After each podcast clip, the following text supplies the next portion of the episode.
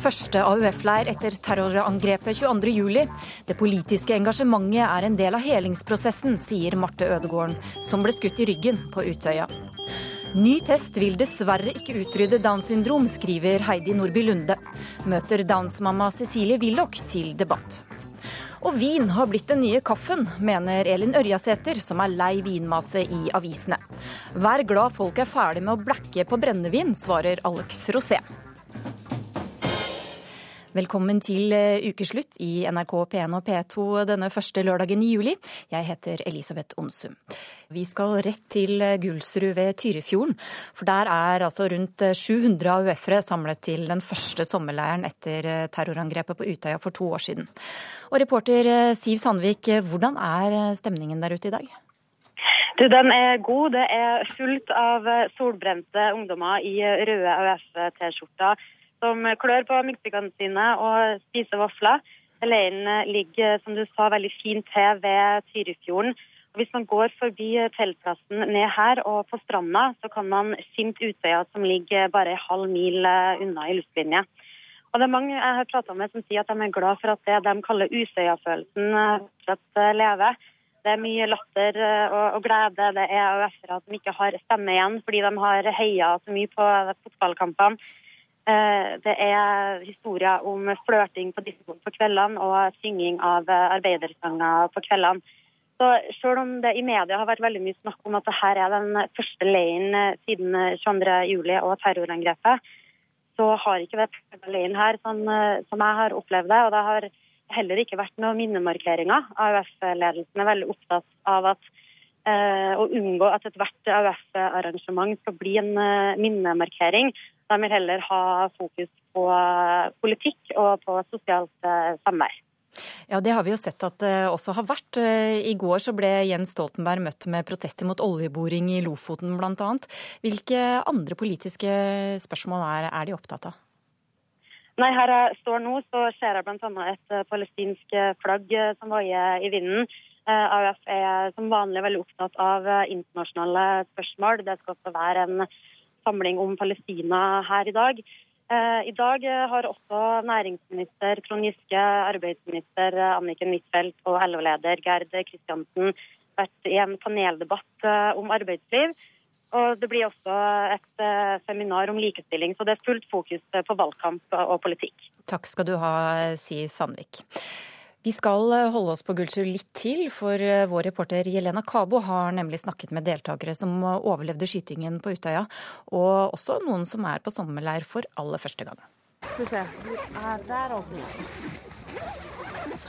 her har vi pakka ut litt mer, da. Vi har jo fått ut soveposene og puta og liggeunderlaget. Teltene i ulike farger står tett på gressletten ned mot Tyrifjorden i nordre Buskerud. Så er det jo fullt av bagasje rundt om da i midtteltet her.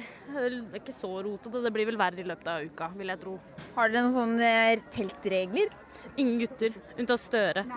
Ja, Jonas, Jonas Gahr Støre, hjertelig velkommen. Nei. Jens så Ja. Katrine Milden, Kristine Koppland og Karoline Sot er 19 år, forventningsfulle og på sommerleir med AUF for første gang. Jeg syns det er veldig koselig. Det er veldig gøy å være her for første gang. Møte nye mennesker og være på nytt sted. Det er ganske trivelig, da. Gulsrud heter leirstedet der mellom 700 og 800 ungdommer er samlet fra hele landet for første gang siden den tragiske skytingen på Utøya i 2011. Den senga her er mye bedre for ryggen min. Og den gjør at jeg ikke får like mye smerter og like mye plager sånn sett. Da. Nestleder i Buskerud AUF, Marte Ødegården, viser frem rommet sitt på Tyrifjorden hotell noen kilometer unna teltleiren. Hun overlevde skytingen på Utøya for to år siden og er tilbake på sommerleir, men må fortsatt gå med krykker. Jeg ble jo skutt i ryggen, så jeg har uh, skjelettet eh, i korsryggen min på venstre side er, er ødelagt. Så eh, det å få sove godt om natta, det, det er uh, uvurderlig, altså. Det er jo litt rart, da, fordi tidligere så har jeg jo sovet i telt, og, for det er jo det som er ordentlig leir, da, det å sove i telt. Men når jeg ikke har muligheten til det, så prøver jeg å gjøre det beste ut av det, ikke sant. Og da er det her den beste løsningen jeg kunne få. Jeg skal til leiren snart. Vi har eh, fotballkamp. Jeg skal nok ikke spille fotball, for det er litt vanskelig for meg å løpe. Men, men jeg skal i hvert fall sitte og heie så godt jeg kan, da tidligere som lærer så har jeg spilt eh, fotball, men det har jeg ikke muligheten til nå. Så det er litt, litt det samme som å sove her. Er, eller egentlig den sommeren her. Det er en del ting som man ikke har muligheten til å gjøre, men så gjør man bare det beste ut av, av utgangspunktet sitt. da. Flørteløypa. Hvor er den begynner den, da? Det er ikke inne i skogen, vel? Er det ikke opp her, da? Nei, er det ikke inni der, da? Jo, Det er jo faktisk tenkt å bli her, og det var litt trivelig. Å, det var koselig. På leirstedet sier Katrine, Kristine og Karoline at de ikke er redde for sikkerheten. Nå orienterer de seg i området. Den såkalte kjærlighetsstien på Utøya er erstattet med en ny sti i et skogholt ikke langt fra teltplassen. Ganske tettpakka skog, men uh... Ja, Det kan jo kanskje hende at dere møter en annen gutt, da. Vi vet ikke hva som møter gutter i skogen. Altså. Hva med å ta de med inn i skogen, da? Heller det da, altså. Men jeg tror ikke det. I bilen på vei til sommerleiren forteller Marte hva som fremdeles kan gjøre henne redd i hverdagen etter det hun har opplevd. Det kan komme av lyder, det kan komme av ting jeg ser, ikke sant. Det kan Ja, det, er, det ligger der hele tiden. Og jeg prøver jo på en måte å overstyre det, for det er en del ting som jeg vet at bare er helt på trynet å tenke, ikke sant. Men så er det hjernen min som tar over og bare er veldig redd for ting, da. Selv om jeg vet at det, at det egentlig ikke er noe å være redd for i utgangspunktet. Det kan være lyder som når jeg sitter, i et klasserom ikke sant? og hører noen gå i trappa utafor og det lager sterke dunkelyder. Eller at noen eh, førsteklassinger på, på, videregående skriker, og at man tror at, eh, at, et eller annet skjer. ikke sant? Men så er det egentlig bare de som tuller og løper rundt. Eh, så det er egentlig helt sånn hverdagslige ting. da. Eh, bare det å se noen løpe, og så lurer du på hvorfor løper den personen. ikke sant? Men Marte sier hun føler seg trygg på årets sommerleir. Lensmann i Modum, Jarle Hopperstad, kan ikke røpe så mye om sikkerheten, men sier synlig politi er ett av tiltakene ved årets sommerleir. Vi har jo eh, tatt høyde for eh, den hendelsen som var i 22.07.2011, eh, samt eh, omfanget og størrelsen på arrangementet, og har kommet på et nivå som vi mener er riktig i forhold til eh, vår tilstedeværelse og, og beredskap. Du skal bruke et par minutter. Det er jo klinestil, eller kjærlighetssti. Du må kline hele veien opp. Flørte, hva var det det het? Flørtesti. De tre unge AUF-erne nærmer seg slutten på den lille stien. Og nå kommer vi ut til tre, tre benker her, så tipper det er de berømte klinebenkene. Og kondom. Hva er dette for noe? Ja, her er det bruksanvisninger på kondomer. hvis du går litt, eller hvis du sitter på den benken litt lenger borti her, så kan du kline mens du ser utover Tyrifjorden.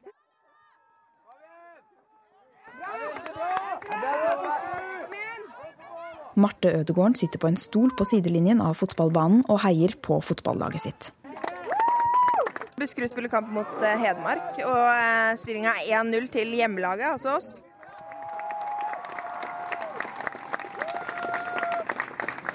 Kjære AUF-ere, for et syn! Rekordmange AUF-ere samlet på ny til sommerleir. Aldri før har dere sett vakrere ut enn dere gjør akkurat nå. Torsdag formiddag holdt AUF-leder Eskil Pedersen åpningstale.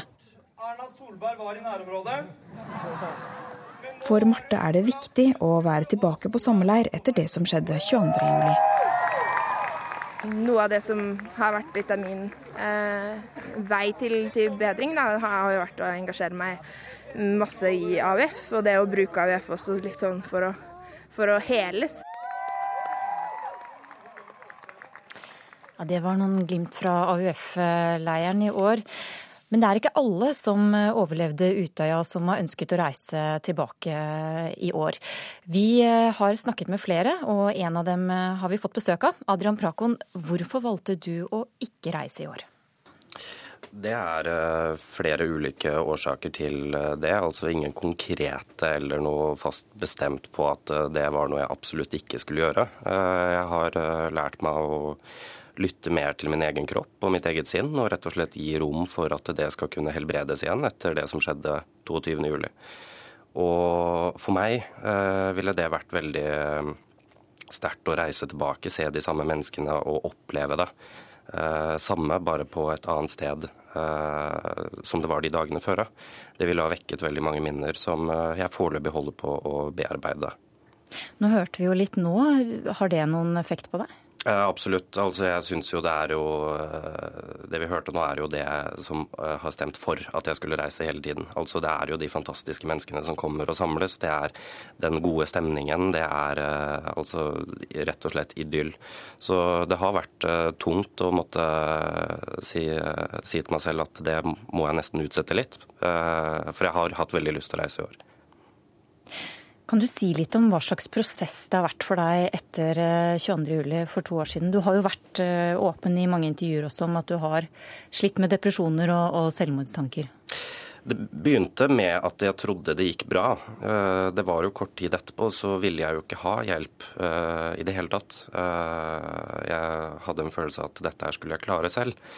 Og så begynte jo perioden hvor ting begynte å bli vanskeligere, hvor dagene ble tyngre, og hvor eh, nettene ble lange. Og jeg visste ikke hvordan jeg skulle forholde meg til det.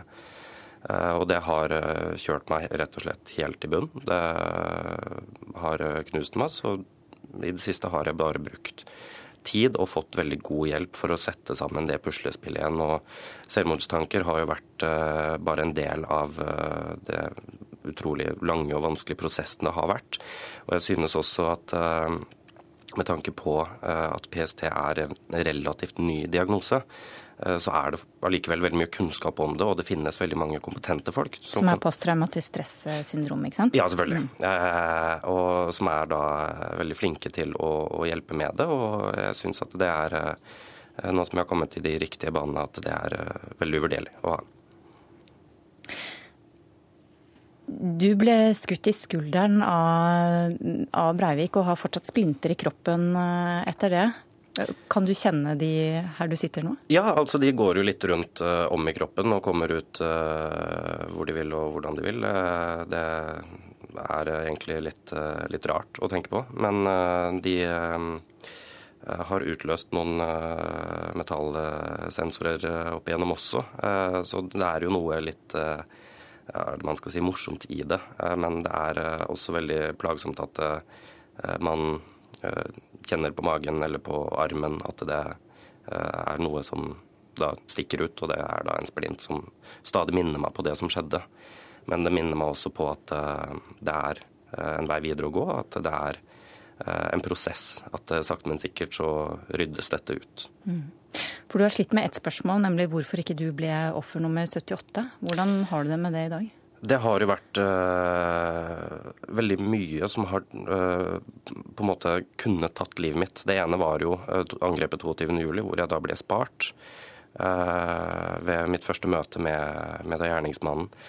Og det har vært et spørsmål som egentlig har drevet meg til å nesten bli nummer 78. Altså at det har rett og slett gjort at Eh, det har vært en eh, slags eh, passiv død rundt det. At det begynte å drive meg til vanvidd. Og jeg vet også at andre har opplevd Men, hvorfor det? Kan du si litt om det? Det har eh, Altså vi mennesker er jo skapt slik at vi lurer alltid på vår eksistens. Hva er meningen med livet? Det er jo de store filosofiske spørsmålene vi har hatt i samfunnet i alle år. Og når man da blir satt, altså ikke på noe så generelt, men noe så personlig, hva er grunnen til at du lever? Hvorfor overlevde du det når dine beste venner døde? Hva er meningen med det? Hva er rettferdigheten rundt det? Og Det er et spørsmål som kommer opp uansett om man er på butikken eller hvor enn man er. Så igjen opplever man det, man ser det hele tiden. Man blir veldig sliten av det. Og av og til uh, har jeg tenkt at det kanskje da hadde vært bedre å slippe det.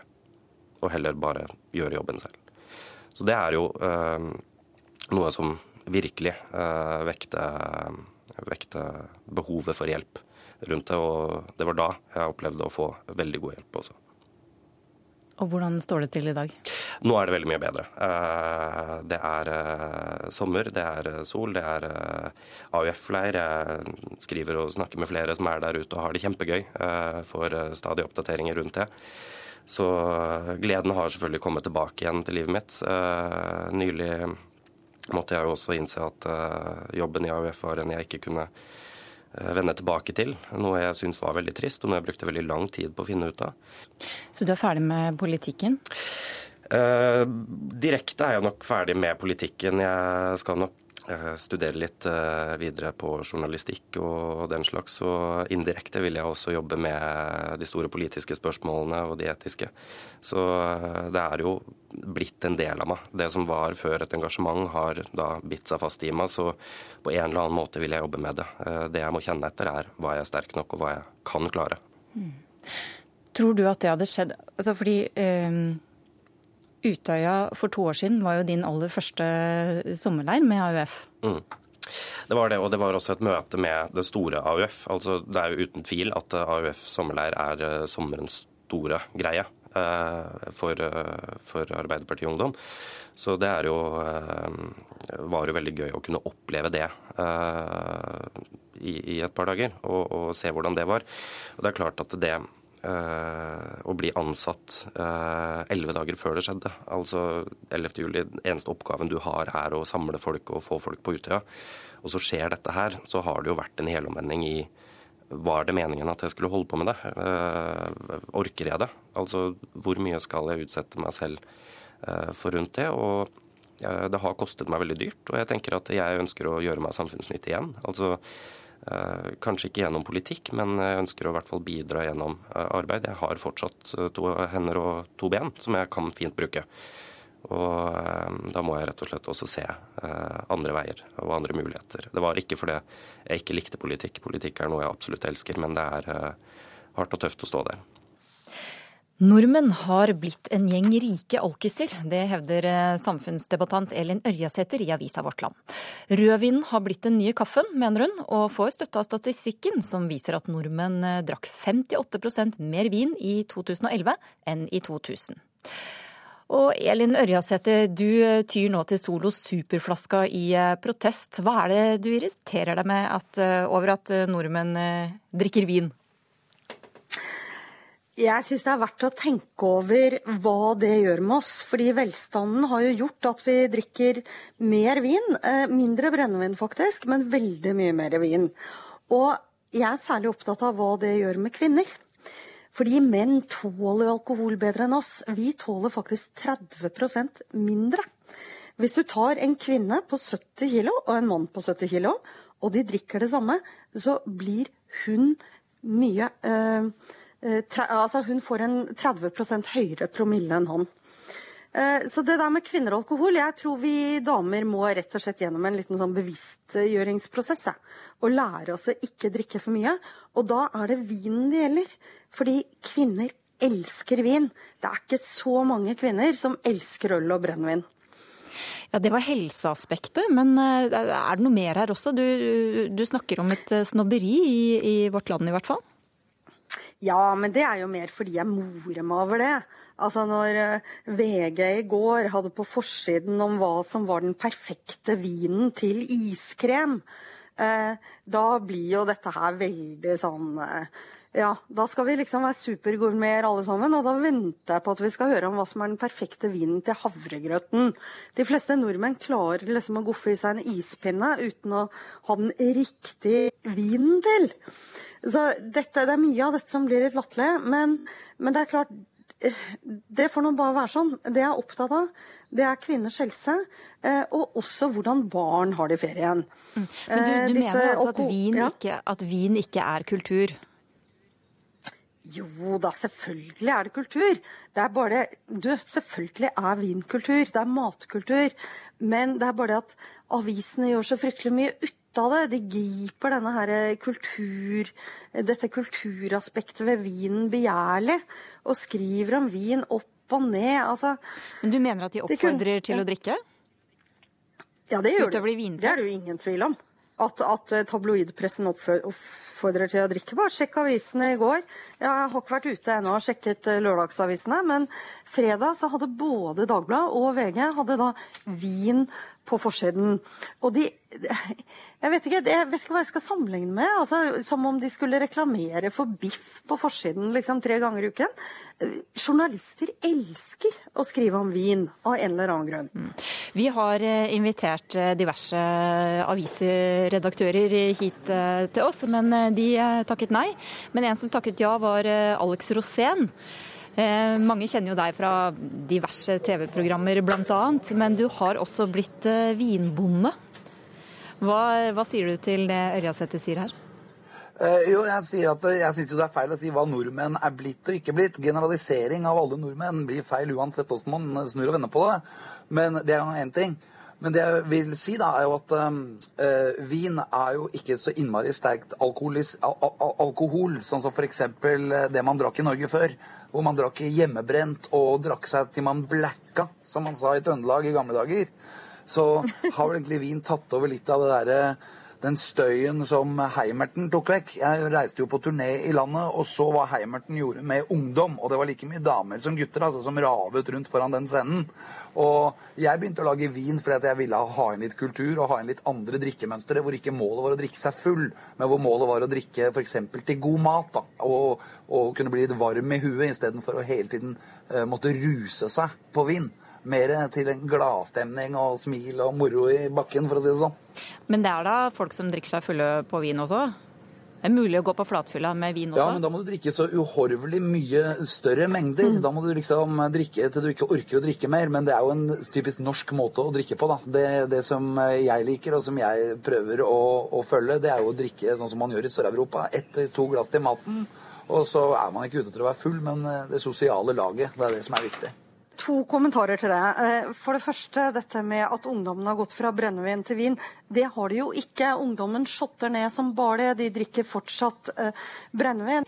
Eh, og så et poeng til, dette med Sør-Europa. Vi har jo et sånn romantisk bilde av disse søreuropeerne som drikker ett eller to glass vin om kvelden. Men eh, sjekk hva en indremedisiner sier om den vidunderlige franske drikkekulturen. Altså Der har de liksom skrumplevre som perler på en snor. Jo, altså Jeg har reist rundt eh, hele jorda. Jeg har vært på OL og vært på arrangementer i forbindelse med fotball og rock'n'roll og musikk. Og jeg må si at Hvis det er en gruppe som står og er drita fulle og raver rundt i, på flatfylla, så kan jeg vedde 110% på at det er nordmenn som står og er så fulle. Jeg har aldri opplevd i Italia at man drikker for å bli sånn klinisk dritings som man gjør i Norge. Og det er, jeg vet ikke Statistikken når det kommer til Heimert, den har jeg aldri sett. Men jeg har i hvert fall opplevd å være på konserter gjennom hele landet og sett ungdom og, og også voksne som drikker til de blacker. Og det er noe helt annet enn den, eh, enn den skrumpleveren i Frankrike, altså. Ja, det er klart. Jeg syns også det er eh, verre med hjemmebrent enn vin. Men nå skrev jeg altså en sak i Vårt Land som, het, eh, som handlet om at rødvin er den nye kaffen. Og at avisene skal presentere vin til hver eneste matrett som fins. Nå går vi inn i sommerferien. Og de fleste har med seg unger som står opp tidlig og vil gjøre morsomme ting. Og full fart. Og fellesferien er ganske slitsom for en del familier. Eh, og da er faktisk stunden inne til å goffe på med litt mer Solo Pluss og litt mindre vin enn ellers. Det tror jeg eh, hadde vært bra for i hvert fall for mange eh, barnefamilier. Men eh, Ørjasæter, kommer du til å drikke Solo pluss eh, resten av sommeren? Nei da, jeg drikker altfor mye vin. Det er jo derfor jeg driver sånn selvterapi gjennom mediene. Det er Hver gang jeg kommer på noe lurt, så skriver jeg om det i avisen. Og det jeg har begynt med nå, det er rett og slett å veie vinen. For å ikke drikke for mye. Eh, og det som er et ekstra bra triks for damer, det er vei vinen du drikker. Og så ved slutten av uka så regner du det om til brennevinsekvivalenter. Og så ser du deg selv i speilet, og så sier du Forrige uke drakk jeg en helflaske vodka. Og så føler du etter. Føles det OK? Nei, det føles ikke OK. Da har du faktisk drukket for mye vin. Ja, hele mitt budskap er at den norske drikkekulturen må forandres. Folk må kunne klare å drikke ett til to glass vin, og that's it. Man behøver ikke å bli full. Det dreier seg om god smak, og god smak til mat, god smak til dessert. Da kan du bruke en, eh, til is f.eks. en dessertvin. Og du behøver ikke å drikke så mye. Det er jo den gode smaken og det lille som er bra. Og så får man ha godt humør ellers utover kvelden. Jeg har lest eh, Alex, at du har skrevet at, eh, eller du har sagt at eh, du har en hel del harry fans som godt kunne drikke litt mer vin i stedet for dram. Har du klart å omvende dem? Ja, jeg føler det. det er, jeg syns jo Heimerten har forsvunnet veldig fra konsertene rundt omkring i Norge. Det er jo noen steder så dukker den opp, og det er mer som en kuriositet. Jeg syns det er veldig At, at nordmenn slutter med den derre vikingflatfylla, det er bare helt perfekt. Ja til vin, nei til Heimert. Ja, riktig. Der er hele min essens. Og min essens er ja til litt mindre vind. Du hører på Ukeslutt i NRK P1 og P2. Følg, følg, med videre og hør hva Petter Stordalen syns om rikingsafarien til partiet Rødt. Overraskende, men eh, positivt. og vi trenger ikke et syndrom for å skape mangfold, mener Heidi Nordby Lunde. Møter Cecilie Willoch til dansdebatt. Leder i Rødt, Bjørnar Moxnes, lanserte tidligere denne uka at partiet skal arrangere rikingsafari, eller en guidet tur til vestkanten. Reporter Pål Buseth ble med Rødt-lederen på tur. Vi setter opp, setter opp, eh, buss i starten av august, når fellesferien er over og folk eh, kanskje være turister i, i, egen by. Vi er klar for å dra på, på milliardærsightseeing. Bjørnar Moxnes, leder for partiet Rødt, synes det er på tide å sette det han kaller Forskjells-Norge på kartet.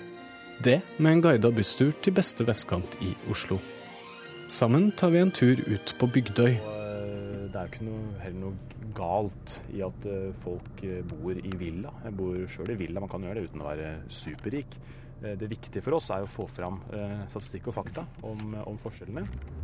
Og jeg tror også at en busstur kan være en måte å starte debatten om det på. Jeg tenkte å jøye meg. Dette var et artig stund for å få oppmerksomhet, og ikke noe særlig mer enn det.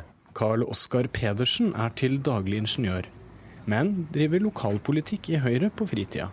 Som leder for bydelsutvalget i Ullern og beboer av en gul villa, har han lite tro på at Moxnes og Rødts safaristunt har noe for seg. Og Så sendte jeg da en eh, mail til Bjørnar Moxnes, og han svarte jo da at eh, oi, nå fikk du kanskje morgenkaffen i halsen. Og det fikk jeg jo på, det, på sett og vis. Nå befinner vi oss på Oslo vest. Eh, nærmere bestemt, i Ullern bydel. Hva slags mennesker bor her da? Her bor det alle slags mennesker. eh, meg bekjent så er det både lærere advokater, eh, ingeniører, som jeg er. Alt mulig er sammensatt. Heldigvis for det. Alle samfunn, eh, også her i byen, har eh, ulike si, klasser. Det, men jeg syns nok det er verre når rikdom kombineres med politisk makt og jeg vil kalle nepotisme. Og det er i slike land som partiet Rødt finner politiske systemer de i stor grad er, identifiserer seg med, syns jeg. Se, nå må du, nå må du ta på deg guidehatten her. Tilbake på Bygdøy er det tid for safari i praksis. Nå kjører vi nedover eh, Huk Aveny. Eh, det er en gate på, på Bygdøy. Og det er eh, hus av, av god standard på begge, begge sider. Hadde jeg vært en god guide, kunne jeg nå opplyst f.eks. om, om samla formue for de som bor i gata. I Huk Aveny på Bygdøy er det tid for å konfrontere Bjørnar Moxnes med en potensiell velger. Hva mener så mannen i gata om rikingsafari? Jeg har med meg Bjørnar Moxnes, lederen i Rødt. Ja, ja. Han har foreslått å sette opp det han kaller en rikingsafari. Hva syns du om det? Jeg syns ikke, ikke, noe om det. Jeg syns det er tull. Du får si det til lederen her. Ja. Parkeringsplass her nå, så jeg får bare ta det fra, fra ja. Greit. Nei, altså jeg syns Jeg, jeg heter Svein. Nei, så jeg syns ikke noe om det, jeg. For jeg mener de aller fleste av disse her, de har jo tjent pengene sine ved å jobbe og, og drive forretninger, da. Og det syns jeg er en ærlig sak. Nå snakker jeg ikke om kjeltringer som driver med, med, med, smugling og sånne ting, eller med narkotika selvfølgelig, men jeg snakker om de som har en vanlig jobb eller driver et ærlig firma. Det syns jeg er greit nok. Ler Petter Stordalen i topp humør.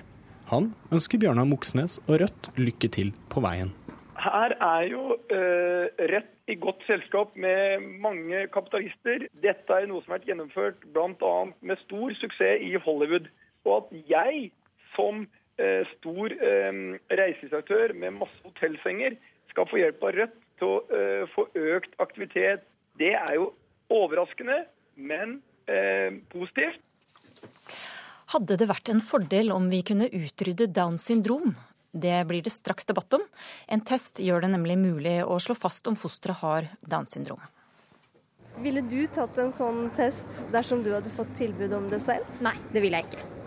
Og det, det handler om at jeg har vokst opp med en søster som er psykisk utviklingshemmet, så derfor ville jeg jo selvfølgelig ikke gjort det. Det beriker jo samfunnet vårt. Jeg tror ikke jeg ville tatt den. Nei. Ja, hvorfor ikke det? Fordi eh, Nei, jeg vet ikke. Jeg syns at man skal få det barnet man er gitt i gave. Men jeg tror de aller fleste ønsker seg friske barn. Eh, så friske som mulig. Og da tror jeg man bruker de hjelpemidlene man har for å få det til. da. Heidi Nordby Lunde, du er eh, blogger og stortingskandidat for Høyre. Du skriver i en kronikk på NRK Ytring at denne testen nok dessverre ikke kommer til å føre til at Downs syndrom blir utryddet. Hvorfor ønsker du å utrydde eh, Downs? For det første så, så, ønsker jeg ikke å utrydde den, og hvis man leser kronikken, så vil det komme ganske tydelig fram. Ja, Men du skriver nå dette, da? Det jeg brukte ordet 'utrydde', fordi det var det abortmotstanderne påsto ville skje med Downs syndrom dersom Universitetssykehuset i Nord-Norge får godkjent eh, bruk av en ny test. Og det er jo ikke noe nytt at vi tester for Downs. Dette får alle kvinner som blir gravide over 38 år tilbud om, men med andre tester i dag. Men det er rett og slett medisinsk feil at du kan utrydde mm. Downs syndrom. Men, men, eh, du skriver altså at det dessverre ikke kommer til å føre til at Downs bør bli utryddet? Jeg skriver at, eh, at, det ikke er, at det er medisinsk feil å påstå, som abortmotstanderne gjør, at det er mulig å utrydde Downs. Og så bruker jeg ordet 'dessverre', fordi at jeg mener at man må være litt merkelig skrudd sammen dersom man aktivt ønsker at barn skal bli født med økt fare for medfødt hjertefeil, hyppighet av blodkreft og infeksjoner, som tidlig aldring med demens, som jo er en del av syndromet. Men det er altså ikke mulig å utrydde syndromet, slik vi gjorde med rubella-syndromet, gjennom en vaksine, slik at syndromet ikke ikke oppsto. Og dette kommer veldig tydelig fram i kronikken jeg skrev for NRK Ytring. Cecilie Willoch, eh, det er kjent for de fleste at du har en sønn med Downs syndrom. Hva syns du eh, om det Heidi Nordby Lunde sier? Altså, jeg husker veldig godt da min sønn ble født, så leste jeg en stund eh, i en bok som skulle gi meg litt mer innsikt i hva det betød å ha Downs syndrom. Og det var en bok som da ramset opp, akkurat sånn som Heidi Nordby Lunde gjør nå, eh, de økte utsiktene til den ene og den andre sykdommen. Jeg ble ganske deprimert av det. Nå har jeg levd med min sønn, som jo først og fremst er som han er, ikke sant, et individ. Eh, han har et navn, han har en alder, han har sin personlighet. Og langt ned i rekken av egenskaper så har han Downs syndrom i 20 år. Og jeg vet at det er jo ikke det som er livet. Det som er livet for ham, det er et liv i flokken. I blant oss som en selvfølgelig del av en av oss, og som like mye verdt som en av oss. Så hvis jeg går tilbake til det som eh, er det grunnleggende konservative verdisynet, så ligger det Nemlig der at et menneskes verdi ligger i dets individuelle egenverdi, og ikke i dets nytte for oss eller for samfunnet, sånn, men i dets egen verdi. Og der ligger også det som gjør at det er verdifullt at vi har det mangfoldet som vi har. Linda. Men jeg mener jo her at, at, vi egentlig plukker opp en debatt på litt feil premisser. Fordi det var abortmotstanderne som selv kalte eh, en ny test for å ville utrydde Downs syndrom. Det er medisinsk feil. Det handler altså om testen som de sier er mer treffsikker og ikke minst tryggere for foster og, og mor enn f.eks. fostervannsprøve, som man får i dag. Men, men nå, nå, viser jo tall fra Danmark at ni av ti som eh, får vite at de bærer på et barn med Downs syndrom, de velger å ta abort. Ja, og... Er det grunn til å, å, tro at eh, norske kvinner skal velge annerledes, hvis de får vite det med så stor sikkerhet som denne testen åpner for? Men denne testen, eh, som igjen kun skal tilbys kvinner som allerede i dag får et tilbud om frivillig ultralyd og fostervannsprøve hvis den blir innført. Jo, men da snakker vi om en helt hypotetisk annen situasjon. Den skal kun tilbys de kvinner som i dag får det samme tilbudet om tidlig ultralyd og fostervannsprøve, som medfører en økt risiko for ufrivillig abort. Og det hadde jeg jo håpet at det skulle være generell enighet om at er bra. Men nå skal jo denne testen først innom Bioteknologinemnda. Den skal innom Departementet for godkjenning, slik at vi ser at den ikke strider mot noe av den lovgivningen vi har i Norge, før den eventuelt skal, skal brukes. Og dette er, mener jeg burde være uproblematisk, og at denne debatten er litt på feil premisser. Men vil dere bør ikke foreldre få velge selv? Eh, hvis de f.eks. føler at ikke de har ressurser nok til å følge opp et barn med Downs syndrom? Altså, hvis du ser på de siste 20-30 årenes utvikling, så er det to utviklingstendenser som har gjort at vi har et eh, lavere antall levendefødte barn med Downs syndrom, et høyere antall eh, som velger å ta abort enn vi hadde før. Det ene er eh, hvor enkel og lite invasiv testene er, og det andre er hvilken tilgjengelighet det er. Disse tingene, hvis du har enkle tester som er tilgjengelige, så vil det føre til en økt tendens til at mange blir satt i den situasjonen hvor de må velge. Mitt synspunkt på dette er at det ikke er et fritt valg, det kan vi komme tilbake til senere, men det er et, et, slags valg, kan du si.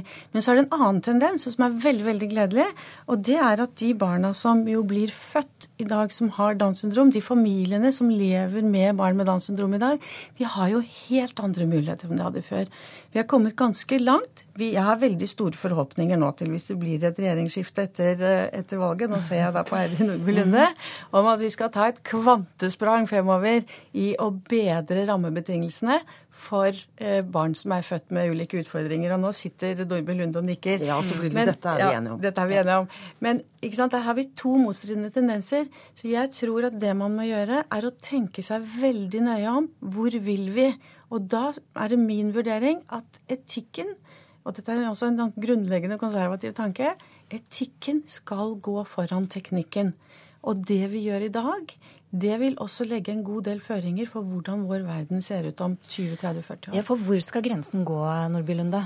Ja, vi har allerede satt eh, faktisk en grense på at eh, testene vi tilbyr i dag, tilbys til kvinner over 38 år med fostervannsprøve som medfører en risiko for fosteret, og hvor en ny test vil medføre mindre risiko. Jeg syns at det er en helt ålreit eh, grense som, som, vi har satt, og som denne testen skal gjennom. Nå tenkte jeg egentlig mer på, på grensen for hva vi skal få lov til å velge bort. Ja, men Det er jo ikke det denne debatten egentlig dreier seg om. Den dreier seg om en ny test, hvor Den... noen har valgt å fortolke eh, og sier at denne testen alene vil føre til utrydning av Downs syndrom, noe den medisinsk sett faktisk ikke gjør. Willoch. Nei, altså Det er bare hvis testen blir brukt på en sånn måte uh, at den er tilgjengelig for alle, slik at alle prøver uh, Altså alle får det inntrykket at man skal velge, og man da samtidig får det inntrykket at man velger mellom noe som er dårlig og noe som er bra, den, sånn som man har gjort i Danmark, da vil det føre til en drastisk reduksjon. Jeg mener man ikke, ikke skal dit. Altså det som, er, det som er helt vesentlig ved uh, ved eh, menneskeverdet, det er jo nettopp at det dreier seg ikke om du består gentesten eller ikke. Liksom, det dreier seg ikke om hvor fort du kan løpe eller hvor kjapt du kan snakke. Det dreier seg om hvert enkelt menneske.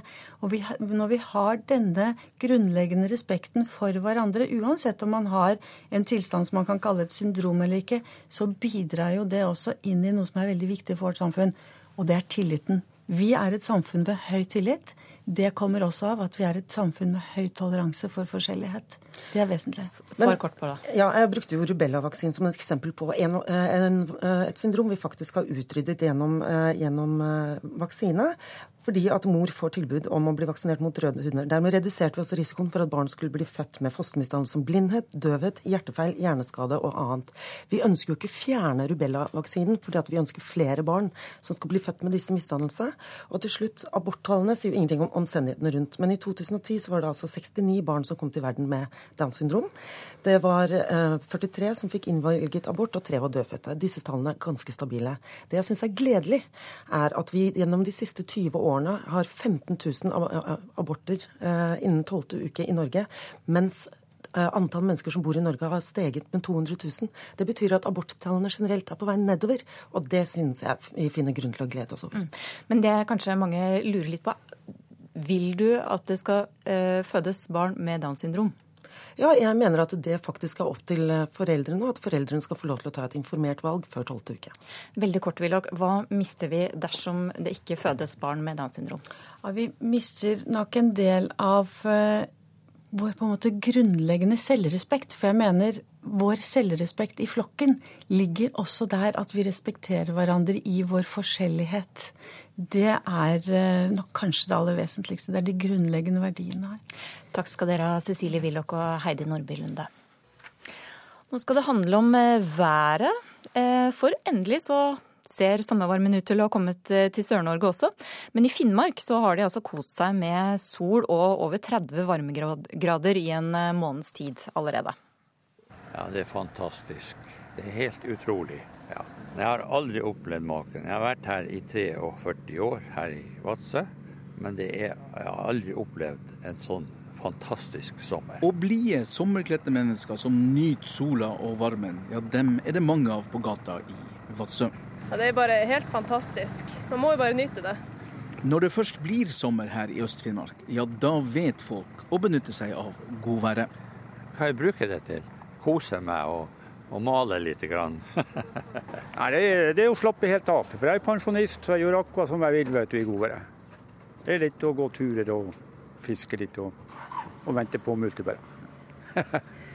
vi har vært på fisketur, vi er på sykkeltur, vi er på joggetur.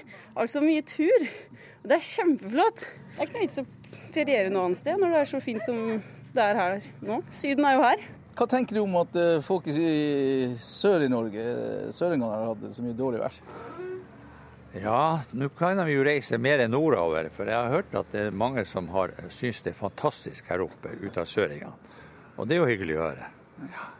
Så eh, de er jo hjertelig velkommen nordover. Nei, jeg har jo litt medfølelse med dem, men eh, jeg syns ikke synd på dem i den forstand. og det har vært så varmt i Vadsø at da jeg ba om å få kjøpe ei vifte på den lokale Europris-butikken i Vadsø, ja, da fikk jeg følgende svar av butikksjef Jan Oskar Kristiansen. Dessverre, det kan jeg ikke. Vi er helt fri. Har denne varmen eh, tatt dere litt på, på, senga? Det kan du godt si. Vi har solgt mye varer både av sommermøbler og eh, solsenger. Alt som har med sommer å gjøre. Det har gått veldig bra. Vi har satt salgsrekord i år med god margin.